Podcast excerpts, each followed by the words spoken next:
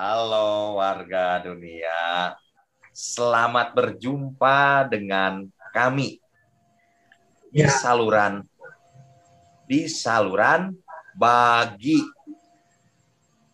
bukan guru idaman. idaman. Oke. Tunggu, cakep. Kita adalah bukan guru, Guru idaman. idaman. Oke. Mengapa kita bukan guru idaman? Kita atau kami sebenarnya sih ini Pak Andri? Eh, kami mungkin ya. Kalau kita kan berarti Kami ya. membawa beberapa Kalau- orang ya. Bukan guru idaman ya. Iya. Pasti ada lah. Kami lebih ya. banyak jumlah guru idaman di Iya betul. kami kami ini yang bukan guru idaman. Iya. Tapi sebelum kita lanjut topik kita, kita perkenalkan diri. Iya, Ya. betul, betul Bang Yusa. Karena kan ini eh, perdana ya kita tayang nih eh, Perdana. saluran kita, saluran bagi, bukan guru idaman ini. Saluran Jadi bagi dan Mm-mm. ya kita harus memperkenalkan diri terlebih dahulu sebagai bagian dari Ah. bagi. harus memperkenalkan diri dulu. Betul, Ya. betul. Oke, Saya- silakan. Ya, oke. Saya akan mempersilakan kawan saya ini Andreu, Oke. Mang Andreu ini untuk memperkenalkan diri. Silakan. Oke, nah warga dunia, perkenalkan eh, saya sebagai bagian dari bagi ya, bukan guru idaman ya. Eh, saya Andreus, biasa teman-teman bagi memanggil saya Andreus ya. Eh, saya mengajar di sebuah sekolah swasta yang ya sekolahnya juga mungkin bukan idaman. Nah, itu sekilas senang saya. ya. Oke, nah berikutnya nih eh, Bang Yusak ya akan memperkenalkan diri juga nih ba- eh, sebagai bagian dari Bagi. Silakan Bang Yusak. Ya, baik. Saya akan perkenalkan diri saya. Saya adalah eh, guru di sebuah sekolah tingkat pertama menengah ya di sedikit pelosok lah. Masih dekat dengan jalan utama yang dibangun oleh Dendels, tapi lebih ke pelosok masuk ke dalam dan jalannya juga ramijun. Oh, ini bilang tidak tidak tidak tidak bagus jalannya itu. Pokoknya Anda ke sana motor Anda harus ganti reseher atau segalanya lah. Macamnya begitulah kalau ke tempat saya. Ya, saya mengajar tadi saya sudah jelaskan. Nama saya Yusak Anugrah. Dipanggil Yusak, tapi sebenarnya saya ingin dipanggil Doni. Nah, begitulah. Iya, begitu. Dan sekarang saya sedang berusaha menjadi guru idaman. Wah, sedang Ya, berusaha makanya- menjadi guru, guru idaman ya Bang Yusak ya. Ya, sedang berusaha, tapi rupanya saya tidak tidak kunjung menjadi guru idaman juga. Gitu kan. Padahal jika saya sudah menjadi guru idaman, mungkin sekolah saya juga akan menjadi sekolah idaman juga. Sekolah idaman juga ya. Ya, Iya. harapan harapan Tapi- saya. itu bukan eh, pengaruh nama itu Bang Yusak yang tadinya Wah, nama. ingin dipanggil Doni gitu kalau nama panggilnya Oh. Doni mungkin jadi guru idaman Ah, mungkin, mungkin. Tapi itu kan harus ke Dukcapil, jauh gitu. Dukcapil, ya. Bisa panjang. Repot Dukcapil dan yang lainnya kantor catatan sipil. Ya, Dukcapil. Wah, repot Hmm. itu. Pernah mengalami itu. Sudahlah, dengan nama Yusak saja aman. Oke, deal ya. Oke, oke, deal. Oke, Deal. deal ya. Eh, kita panggil Bang Yusak dan saya Andreus ya, Bang Yusak. Ya, Mang Andreu. Oke, Mang Oke. Andreu dan Bang Yusak. Jangan ingat, jangan panggil saya Bang Niun ya. Tukang bajigur di, di kampung saya. Oke.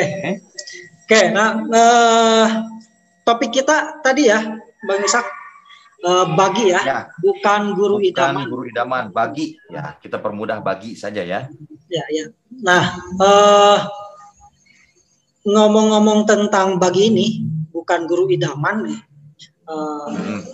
entah kita hanya sebatas perasaan atau memang ya memang kenyataan gitu ya kenyataan bahwa kita eh, bagi ya bukan guru idaman nah menurut bang Yusak sendiri apa sih uh, definisi dari bukan guru idaman ini?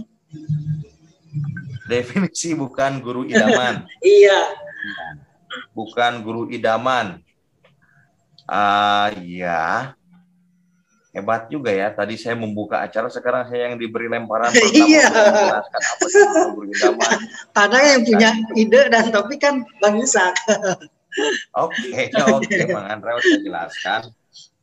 Apa sih definisi bukan guru idaman?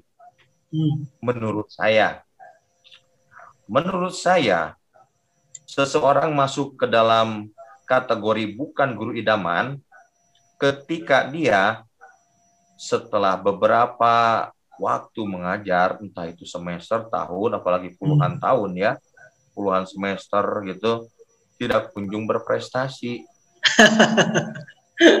eh, itu yang paling ekstrim ya. Kata prestasi apa sih? Yeah. Prestasi itu hitungan prestasi itu apa?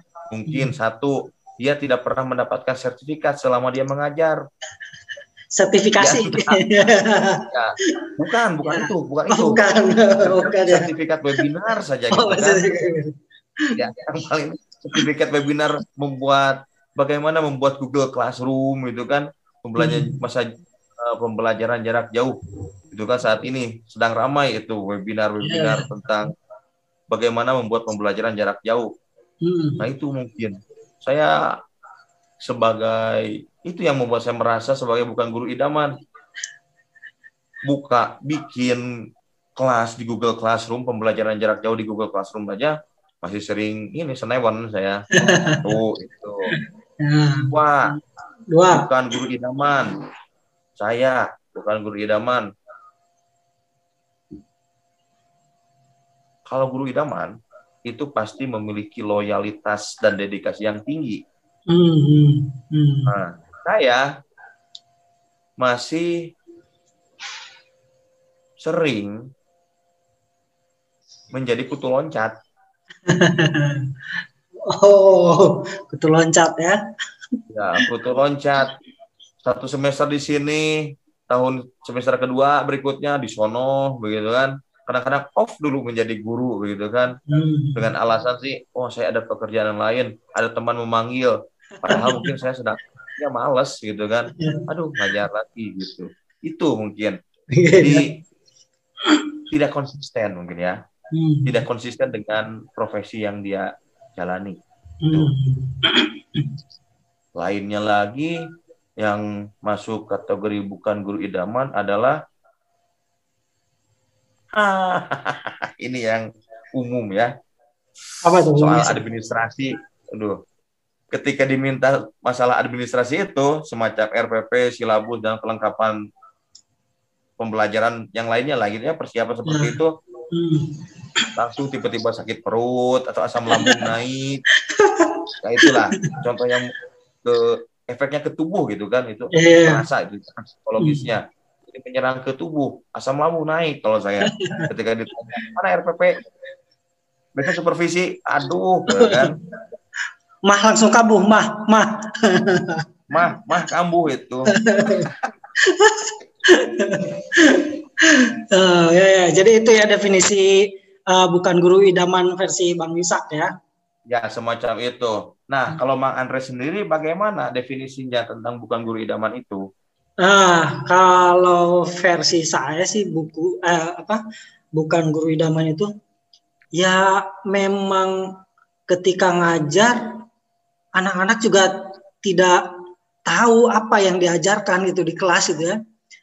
Uh, ya hanya show saja, hanya penampilan saja gitu di depan kelas, menyampaikan materi, uh, anak-anak mau ngerti mau tidak, ya nggak bukan idaman banget lah gitu ya. Kalau tapi dicintai, bedanya itu kalau uh, apa versi saya itu bukan guru idaman, tidak diidamkan, tapi dicintai. Kenapa dicintai Bang Yusak? Karena ya, ya itu, karena dicintainya itu anak-anak senang tidak pusing di kelas. Nah, tidak tidak pusing di kelas, tapi e, materi yang disampaikan tidak sampai kepada mereka gitu. Hmm. itu. Jadi mereka mencintai itu karena ya senang bermain saja, sedang bermain, senang mendengarkan cerita, mendengarkan dongeng gitu. Ah. itu ya, saya ingin tanggapi dulu ya Bang Arem ya. Oh, iya, iya, iya, iya. tanggapi soal hmm. tidak membuat pusing. Ini berkebalikan dengan saya yang merasa menjadi ya merasa bukan guru idaman ketika saya membuat pusing murid saya. Uh, hmm. Saya buat pusing saya pusing, pusing murid saya dengan banyak pekerjaan, banyak tugas. Hmm ketika menjelaskan saya sering loncat-loncat begitu kan hmm. ya misalkan aku kasus contoh saya jelaskan cerpen hmm. Materinya cerpen tuh hmm. saya jelaskan ada anak hari ini kita belajar cerpen baca hmm. saya jelaskan belum selesai cerpen belum lima menit atau sepuluh menit baru bilang apa apa temanya ya. anak-anak kan langsung pusing gitu kan. yeah.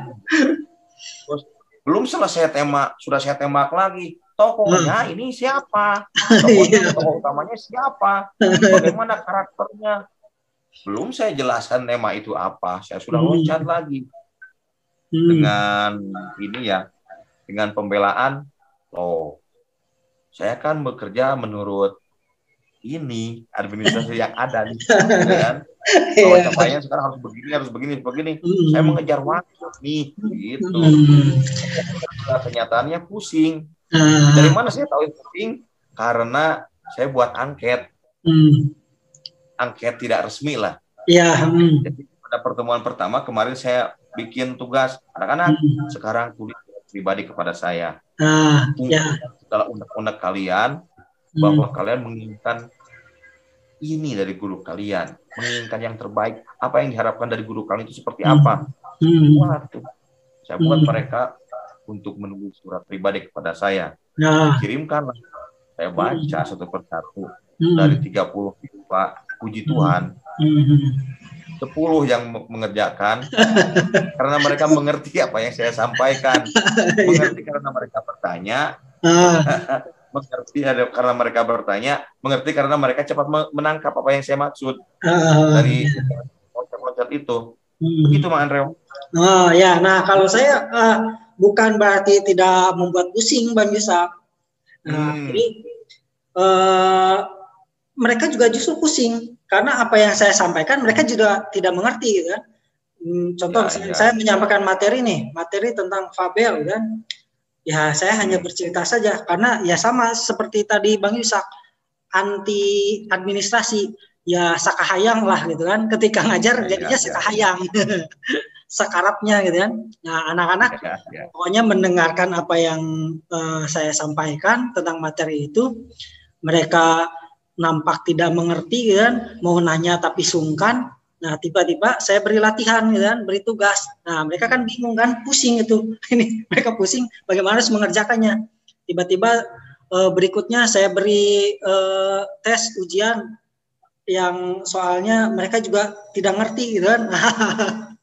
Jadi mereka hanya menikmati pada saat mendengarkan dongeng saya bercerita gitu. Tapi setelah itu uh, mereka pusing juga gitu kan. Nah, hmm. mengapa jadi pusing? Ya karena sayanya juga itu tadi tidak tidak sesuai administrasi. Kita anti administrasi gitu ketika tidak sesuai juklak ya? tidak sesuai juklak ya betul gitu kan? Kadang juklak juga uh, ya jauh lah dari guru idaman gitu. Kalau guru idaman itu saya perhatikan tertib sekali ya.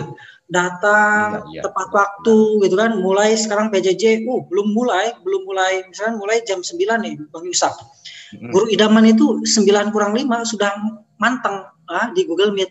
Nah kalau saya kan kadang cari alasan dulu gitu. Kadang cari alasan dulu ke toilet lah 10 menit 9 lewat 10 baru mulai gitu kan. Iya. terus kalau anak hilang juga kan anak hilang di Google Meet kita pura-pura lengkap saja gitu kan. Kalau saya begini, ya. di Google Classroom itu begini. Hmm. Sebelum 15 menit sebelum ini, hmm. sebelum pembelajaran mulai ya, ya. langsung saya sapa gitu kan. Selamat hmm. pagi anak-anak. Hmm. Pukul 8 nanti langsung masuk kelas ya. Hmm. Silakan hadir. 15 hmm. kemudian kita akan mulai pelajaran kita. Padahal hmm. saya belum mandi waktu itu. Iya. Kita masih di rumah. Wah, ya jadi ketika sudah siap, 15 hmm. menit. Bagaimana anak-anak? Sudah siap? Siap.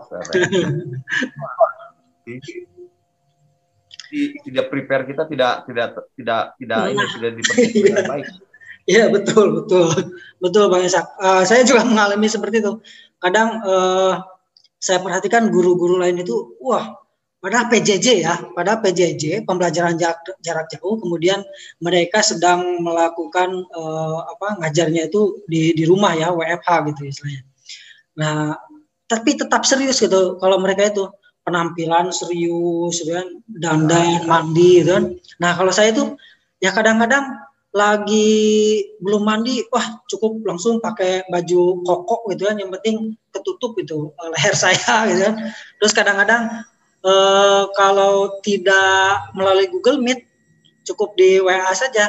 Oke, anak-anak buka, uh, anak-anak coba dibuka tautan ini, baca ya. Setelah itu karena masih ngantuk, tiba-tiba tertidur gitu. Ingat-ingat, waduh udah lewat. tiba-tiba, udah lewat tapi ngeles gitu tapi ngeles oke anak-anak eh, tadi sampai mana oke nah ini tugasnya ya nah tiba-tiba beri tugas bagaimana anak-anak anak-anak tidak pusing kan ya, ya. tapi Mak Andreo begini hmm. dengan PJJ ini anak-anak setidaknya sedikit tertolong ya, ya. dari pusingan yang kita berikan kepada mereka hmm. ketika tugas diberikan mereka tidak terlalu pusing dengan PJJ ini sebenarnya Iya betul. Modal kuota yang agak banyak, mereka lari ke Google, hmm. lalu ketik Renly. Iya. Ah, ya, di copy paste lah pertanyaan atau tugas dari kita itu kan. Iya betul. Jawaban itu kan. Jawaban iya betul. Jawaban sempurna mereka dapatkan dan copy iya. paste kalian lalu tempel di hmm. form yang kita buat itu kan. Hmm. Hmm iya, agak betul. sempurna lah gitu kan. Oh, iya, nah, betul. kadang saya luput gitu. saya luput memeriksa ulang gitu kan. saya cek satu persatu kan. Idealnya begitu kan. Iya. Saya cek, salin. Lalu saya ketik, saya tempelkan ke Google kan. Plot hmm. pencarian Google. Plot, iya. Kalau muncul kan muncul.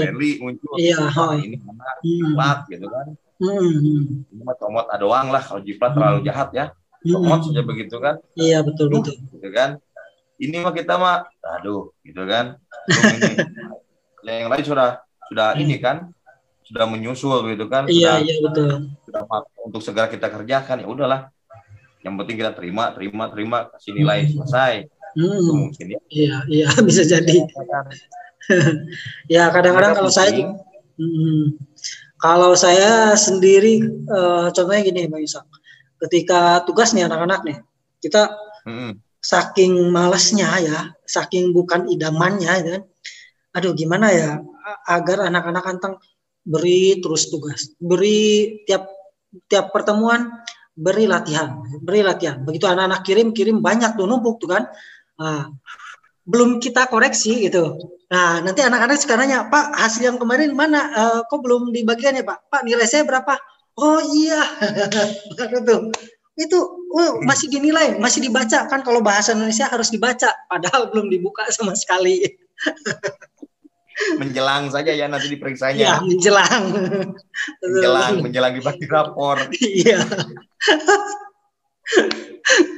nah, itu itu bagian bukan idaman uh, kita selama PJJ ya, Bang Yusak. Nah, tapi Bang Yusak Uh, kan saya tahu nih ya uh, perjalanan karir Bang Yusak nih ya. Uh, ya waktu pertama kali ngajar juga kan saya tahu tuh di Jakarta ya Bang Yusak ya kalau tidak salah ya. Ya iya benar. Di nah, Jakarta. Hmm, di Jakarta itu. Nah, menurut Bang Yusak kalau tadi kan kita lebih banyak mengobrolkan bukan idamannya itu pada saat PJJ ya. Nah, pada saat tatap muka sendiri itu di awal-awal Bang Yusak ngajar itu bagaimana tuh perasaan Bang Yusak yang merasa aduh bukan guru idaman nih gitu. Satu, kan latar belakang saya bukan FKIP ya. Hmm. Saya ini nondik kalau di kampus di UPI itu ya. Hmm. Nondik saya ini. hmm. sastra Indonesia bukan gitu kan bukan gitu kan yeah. walaupun sarjananya titelnya sarjana pendidik sarjana sastra gitu kan hmm. Nah itu pekerjaan yang lebih dulu mampir kepada saya itu yang ditawari itu yang mampir eh mau nggak jadi ngajar hmm. udahlah mengisi kekosongan saya jadi guru blank kan nah itu udah gitu. ketika wawancara jalan gitu kan hmm. saya lupa gitu kan hmm. saya ini calon pendidik gitu kan harus hmm. berpenampilan sosial waktu wawancara saya apa pakai jeans iya. Rambut masih gondrong gitu kan. Hmm. wah langsung besok mikro teaching ya kata hmm. kata HRD itu kan. Hmm. ya ya iya. Hmm. tapi tolong ya jangan pakai jeans. Oh baru ingat di situ. Jangan pakai ya. Dan oh ya rambut. Ya, sudahlah nanti saja. Yang penting mikro titik aja dulu. Oh gitu. Saya langsung lari terus saudara saya. Bikin celana bikin baju sepatu juga. Kan waktu itu sepatu juga bukan sepatu ideal. Yang pantopel itu kan. Terus kan saya dapat ini materinya apa gitu kan. Ya maklum gitu kan.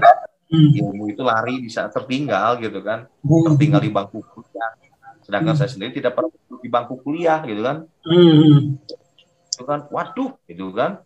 Ini bagaimana? Jadi satu malam sebelumnya apa gitu kan hmm. ambil yang sedikit menarik apa gitu kan terus teknik mengajar bagaimana gitu kan hmm. ya saya cuma ingat satu hal saja yaitu tadi saya berpikiran untuk menjadi penghibur saja deh ya, karena saya pernah ikut eh, ini ya bukan ya, teater ya, ya. saya oke okay, besok saya akan menjadi seorang aktor saya hmm. akan bermonolog monolog di depan siswa dan hmm. Baik begitu kan? Hmm. Yo, acting saya kan. Hmm. gimana? Pura-pura gitu kan? Hmm. dengan konsep teater rakyat yang berinteraksi dengan oh. penonton itu kan? Saya sampiri gitu kan. Bagaimana? Wah, aktif ah, terlihatnya ya lancar lah ceritanya begitu. Hmm. sedikit tersampaikan waktu itu materinya apa ya? Lupa lagi saya kalau tidak salah itu pantun. Hmm. sedikit ya hal yang dekat lah gitu kan setidaknya saya tahulah sedikit lah hmm. pantun gitulah gitu kan hmm Bang Reo, saya saya acting sebenarnya. Hmm. Acting for monolog. Karena uh. saya sendiri. Hmm. Nah, Andra bagaimana pengalaman mengajar pertama? Pengalaman mengajar sebagai sejarah pendidikan nih. ya, uh, saya uh, jurusan pendidikan ya, pendidikan bahasa Indonesia. Uh, kadang-kadang anak-anak di kelas juga suka nanya, Pak, kok masuk uh, kok jadi guru sih? Kadang saya juga suka mikir iya ya sebenarnya dulu itu saya tidak pernah ada pikiran untuk jadi guru ya bang Yusak ya. Kadang saya suka jujur aja sama anak-anak itu ya tersesat jadi guru itu sebetulnya gitu kan. Karena keterima pada saat dulu zaman UMPTN itu keterimanya di UPI jurusan bahasa Indonesia ya aduh gimana lagi ya di tempat lain yang lain. Tidak diterima dijalani saja gitu kan.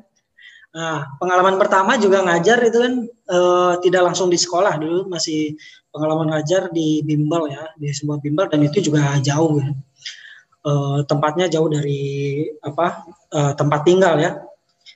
Ngajar di bimbel itu kan apa ya e, beda dengan ngajar di sekolah ya tapi saya sosok idealis itu, sosok idealis ngajar di bimbel seperti ngajar di sekolah. Jadi uh, diberi diberi apa semacam handout ya buku pegangan siswa itu uh, di bimbel itu. Nah saya tidak pakai, ya saya suka-suka saya saja gitu apa yang ingin saya sampaikan gitu kan. Uh, kadang-kadang tidak ada materi menulis puisi saya ajak anak-anak untuk oke okay, menulis puisi buka gorden buka jendela di tempat bimbel itu kan. Oke okay, nulis puisi lihat ke jalan gitu. Padahal di di apa di modulnya itu tidak ada gitu kan. Karena kadang-kadang ya sakarapnya lah gitu kan. Yang penting yang penting saya enjoy yang penting anak-anak juga enjoy tadinya gitu kan tapi setelah hmm. setelah anak-anak menjelang kalau di bimbel itu kan mereka lebih banyak persiapan menjelang ujian ya bang Yusak ya yeah. nah ketika menjelang ujian udah tinggal beberapa hari ya satu minggu uh, menjelang ujian mereka mulai bingung tuh mulai pusing dengan materi-materi uh, latihan-latihan soal yang diberikan oleh sekolahnya gitu kan baru tuh seminggu menjelang ujian itu mereka sibuk pada datang ke tempat bimbelan nyari saya nanya-nanya kak kak ini ngerjainnya gimana ya ini? Nah itu mulai satu minggu itu pusing lah itu pengalaman pertama mengajar di bimbelan gitu ya. Sampai sebegitunya ya Anda menjadi guru bukan guru idaman ya. Iya. Karena Anda tahu sendiri kan di bimbel itu hmm. untuk berkreasi atau untuk berekspresi kan tidak di, tidak tidak tidak pada tempatnya di bimbel itu. Iya.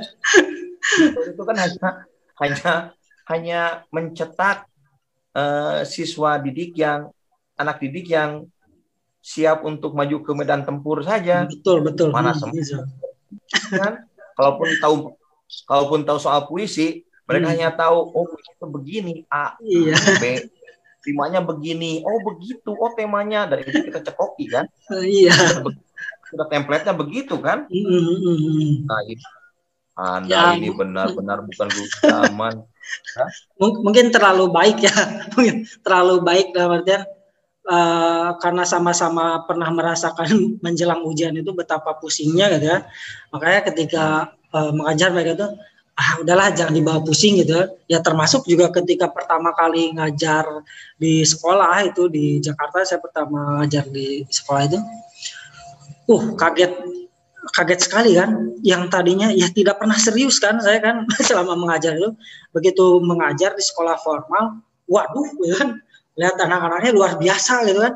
Sementara eh, dalam hati saya itu ya idealis sekali gitu kan. Idealis yang ingin sempurna mengajar karena pertama kali mengajar di sekolah gitu kan.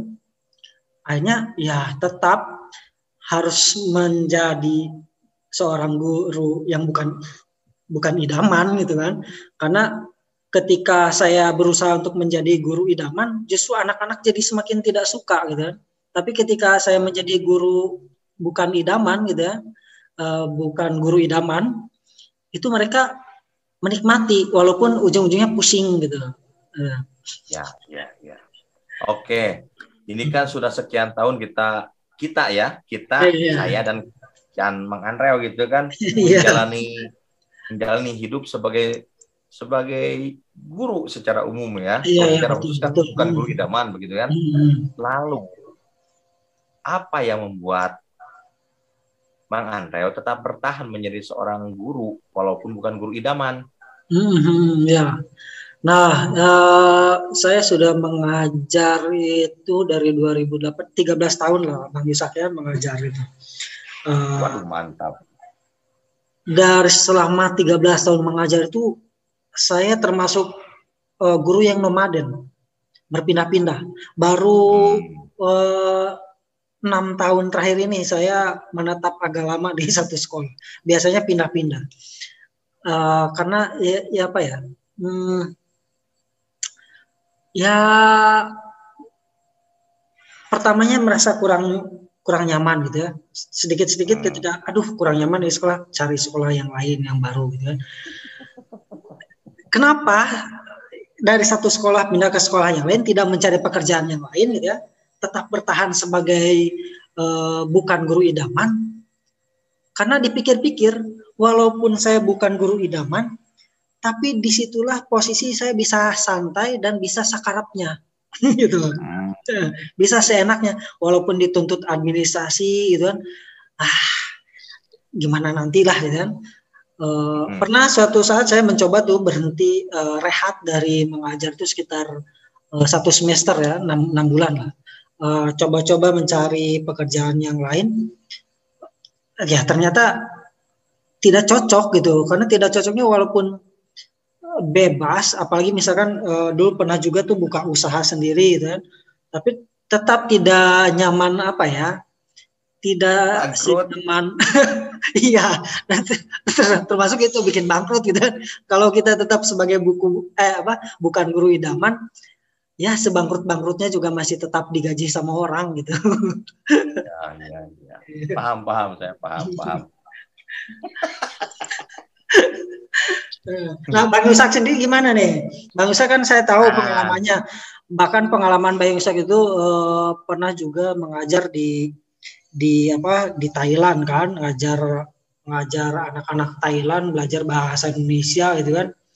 Wah, seharusnya kan Bang Yusak bisa dianggap sebagai apa uh, guru idaman ya oleh mereka gitu.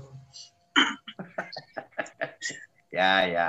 Baik apa yang membuat saya bertahan tetap menjadi guru ya dalam pengertian luas ya guru sebagai orang yang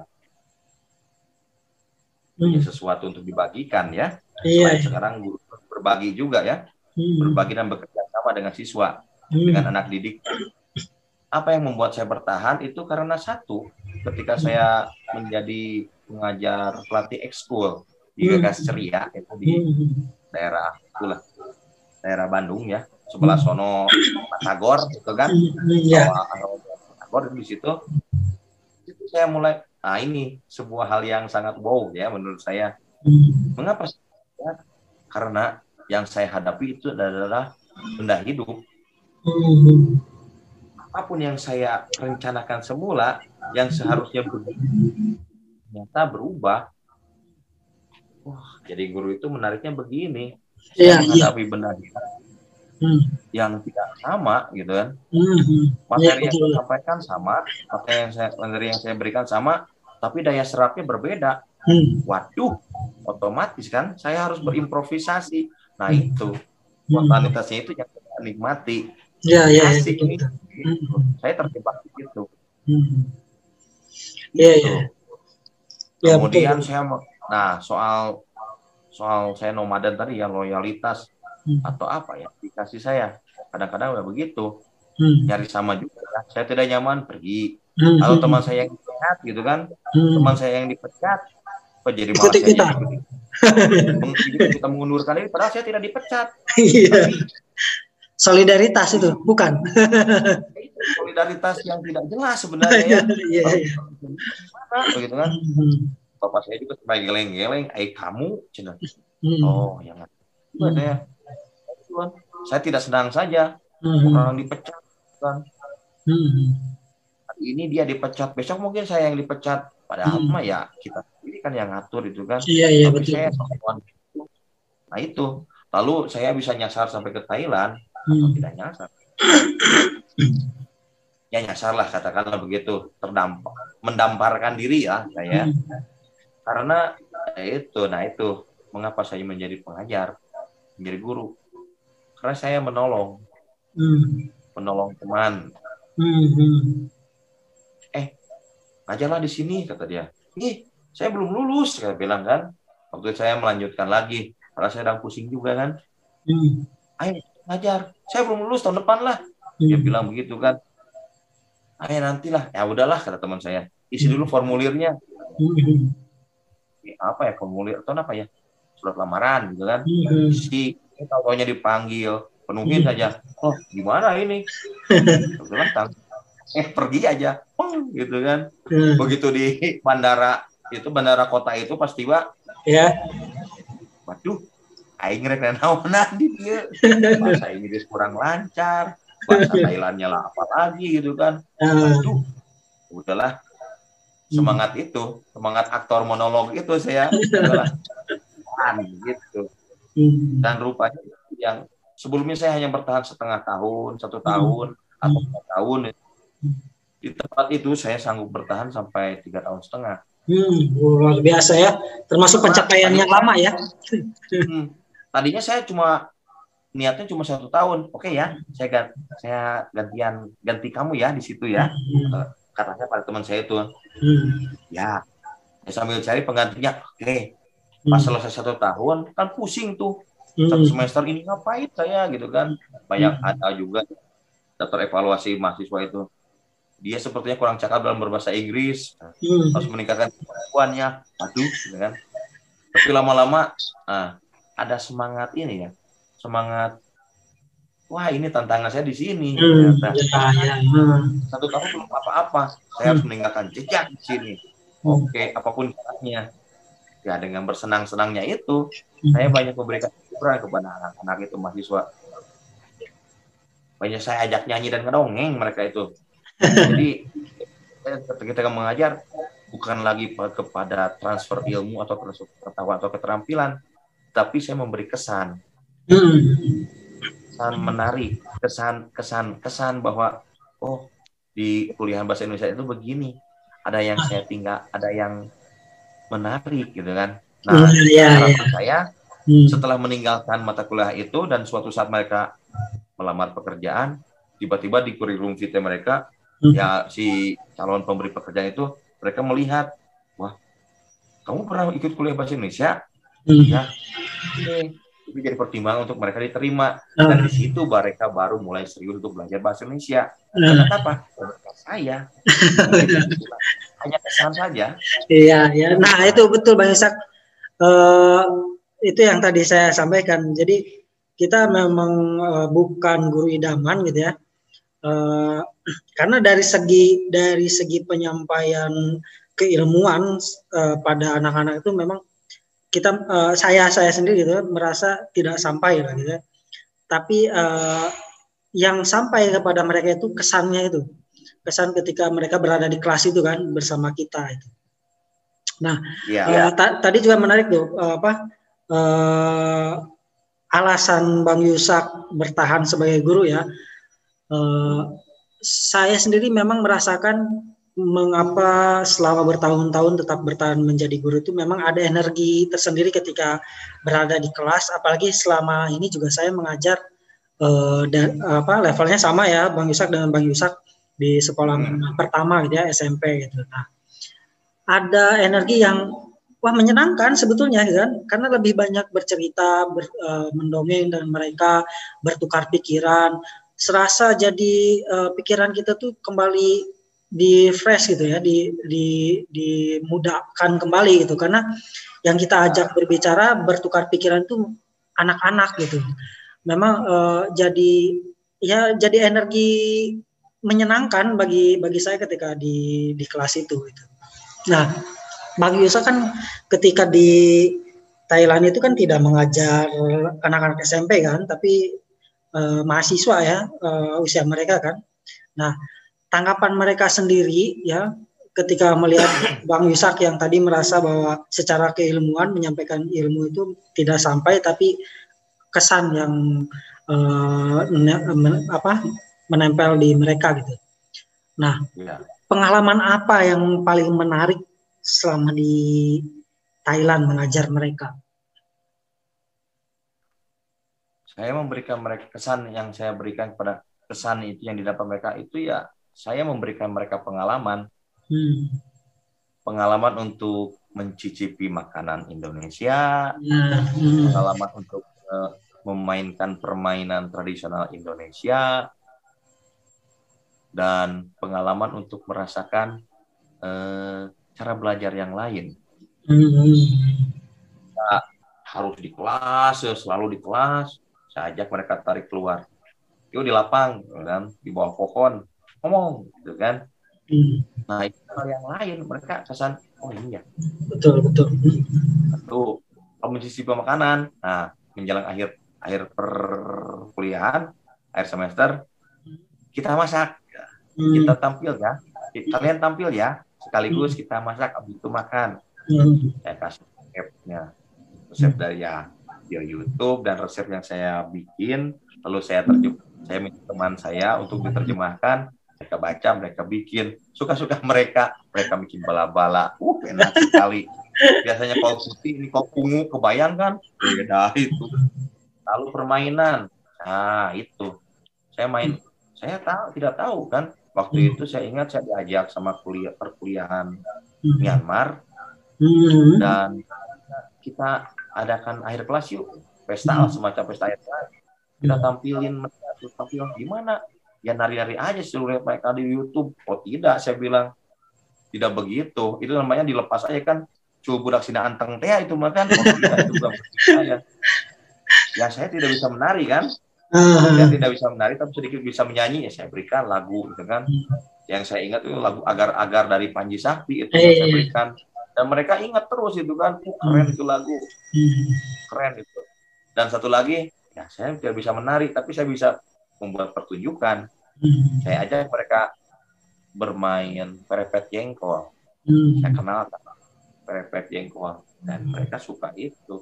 Setelah itu kan mereka makan bala-bala kok asik tidak ada yang seperti itu keren mereka saja bilang, wah Anda kreatif katanya. Oh, kreatif.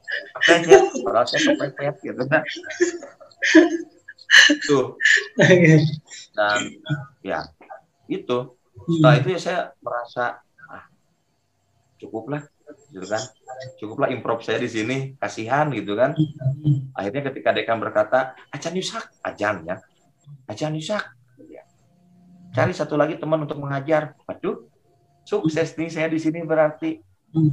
pertama saya datang cuma tiga tiga kelas hmm. satu level. Hmm. tahun kedua saya punya buka lima kelas gitu kan. Upaya selama satu tahun oh gitu kan. Habus ampun dah gitu kan. Eh tahun ketiga dekan bilang tambah satu pengajar lagi. Wih keren saya bilang. Berarti tugas saya sudah selesai di sini. Sudah ada tambahan lah Hmm. Sekarang tinggal cari pengajar serius, hmm. pengajar serius dari ya yang punya memang punya dedikasinya di di BIPA hmm. gitu kan. Hmm. Saya cari dapat dua, udah aja saya pulang ya.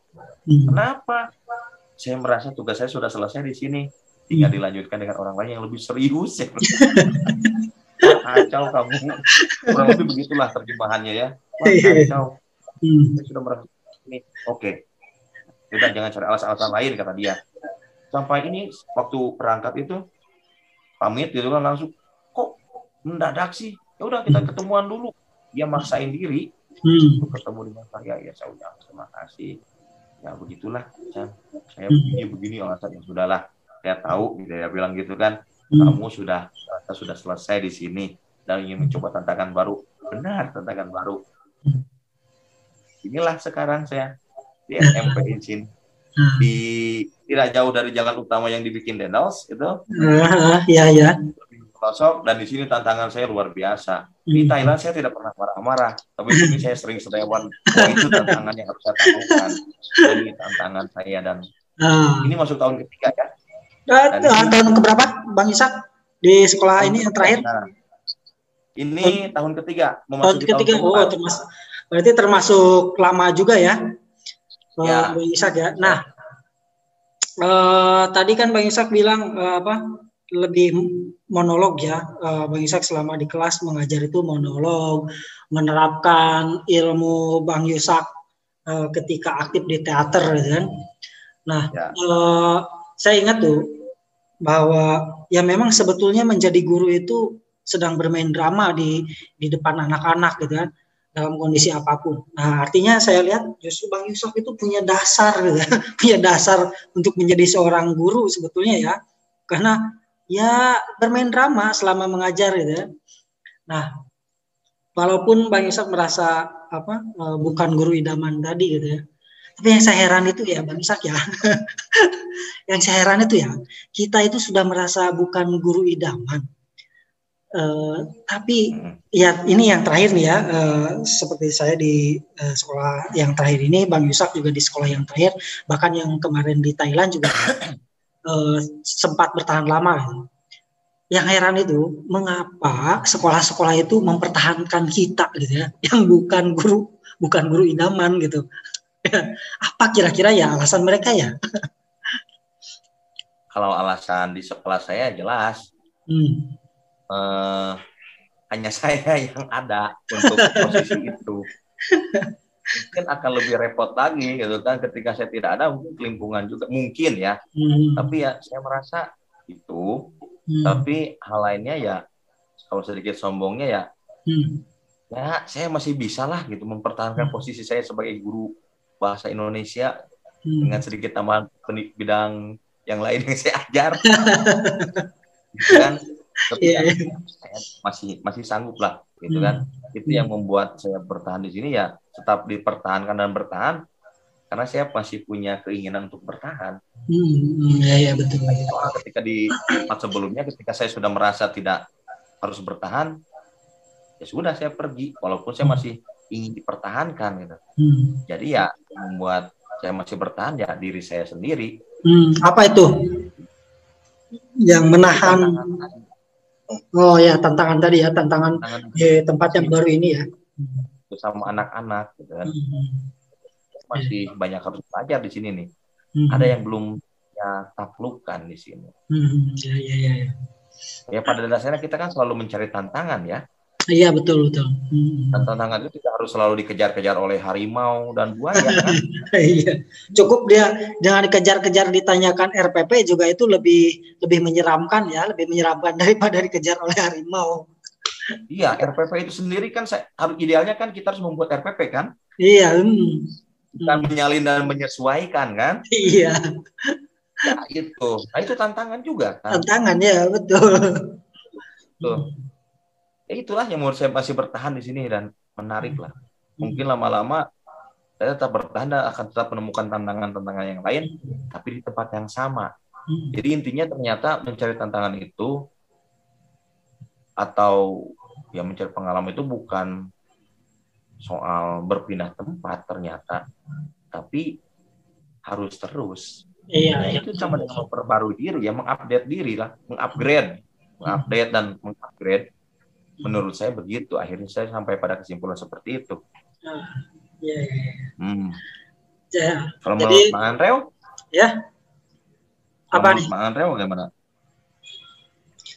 uh, ya saya juga termasuk yang heran ya. Tidak hanya saya gitu kan yang uh, menilai kok bisa saya dipertahankan sampai selama ini kan.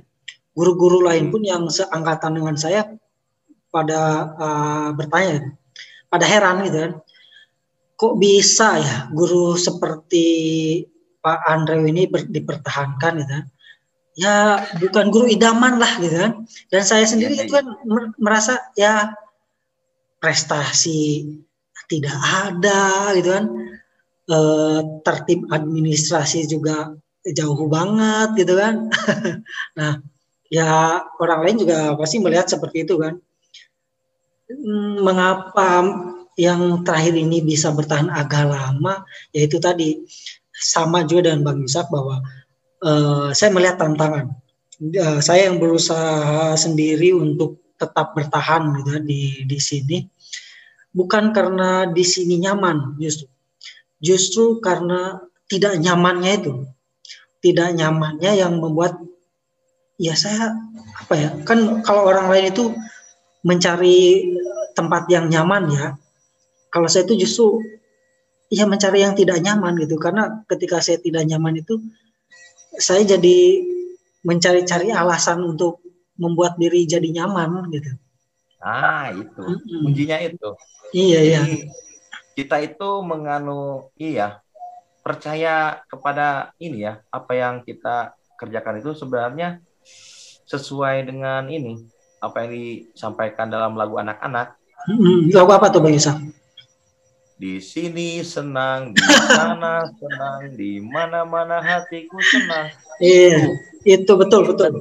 Kita pegang. Hmm. Jadi itu sebenarnya. Iya, ya, betul betul Bang Isa. Oke, Bang Isak nih, uh, kita sudah hampir 60 menit ya berbincang mengenai bukan guru idaman ini. Nah, terakhir nih, ya, ya. Bang Isak, Kira-kira menurut Bang Yusak masih banyak tidak tuh uh, di luar uh, kita berdua nih yang bukan guru idaman? Saya pikir banyak. Banyak. Hmm. Banyak. Ada guru bukan guru idaman yang harus kita undang di saluran kita ya. Oh iya iya iya. Di tayangan perdana baru dengar kita berdua ya. Iya, iya. Bagaimana betapa bukan guru idamannya kita. Iya, iya, kita betul. Ya. Hmm. Nah, kita pertemuan berikutnya, perjumpaan berikutnya kita akan dengar pendapat atau pengalaman dari bukan uh, personal dari bukan guru idaman yang lain. Iya, iya. Ya, personal yang kita maksud ini mungkin masih berprofesi profesi sebagai guru atau pernah hmm. mencicipi menjadi seorang pernah menjadi guru. guru. Gitu ya. iya, iya. Terbuka Karena mungkin pengalaman ya. mereka juga berbeda ya, Bang Isak dengan kita iya, betul. ya. Benar, betul. benar sekali. Hmm. Oke. Okay. Oke, okay, Bang Isak, sudah 60 menit mungkin ya. Kita ya. sudah berbagi nih pengalaman sebagai bukan guru idaman yang mudah-mudahan eh, bagi warga dunia yang menyaksikan tayangan kita ini terinspirasi ya untuk menjadi guru ya dan ya minimal membantu kita mereka menjadi guru idaman dan kita tetap menjadi guru uh, bukan guru idaman gitu ya. Ya, begitulah. Hmm. Oke, kita akhiri saja dulu ya. Oke. Kita tutup bersama-sama. Ya. Oke. Uh, penutupnya begini ya. Bagaimana Sampai jumpa warga dunia. Begitu saja ya. Oke, siap. ya. Gak apa-apa lah ya. Nanti Gak kita cari lagi yang lain lah ya. Iya. Oke. Siap. Oke, siap ya Arul ya. Oke, siap. Ya. Oke. Satu, dua, tiga. Sampai, Sampai jumpa, jumpa warga dunia di saluran bagi bukan guru, guru idaman. idaman. Oke, dadah. Bye. Bye.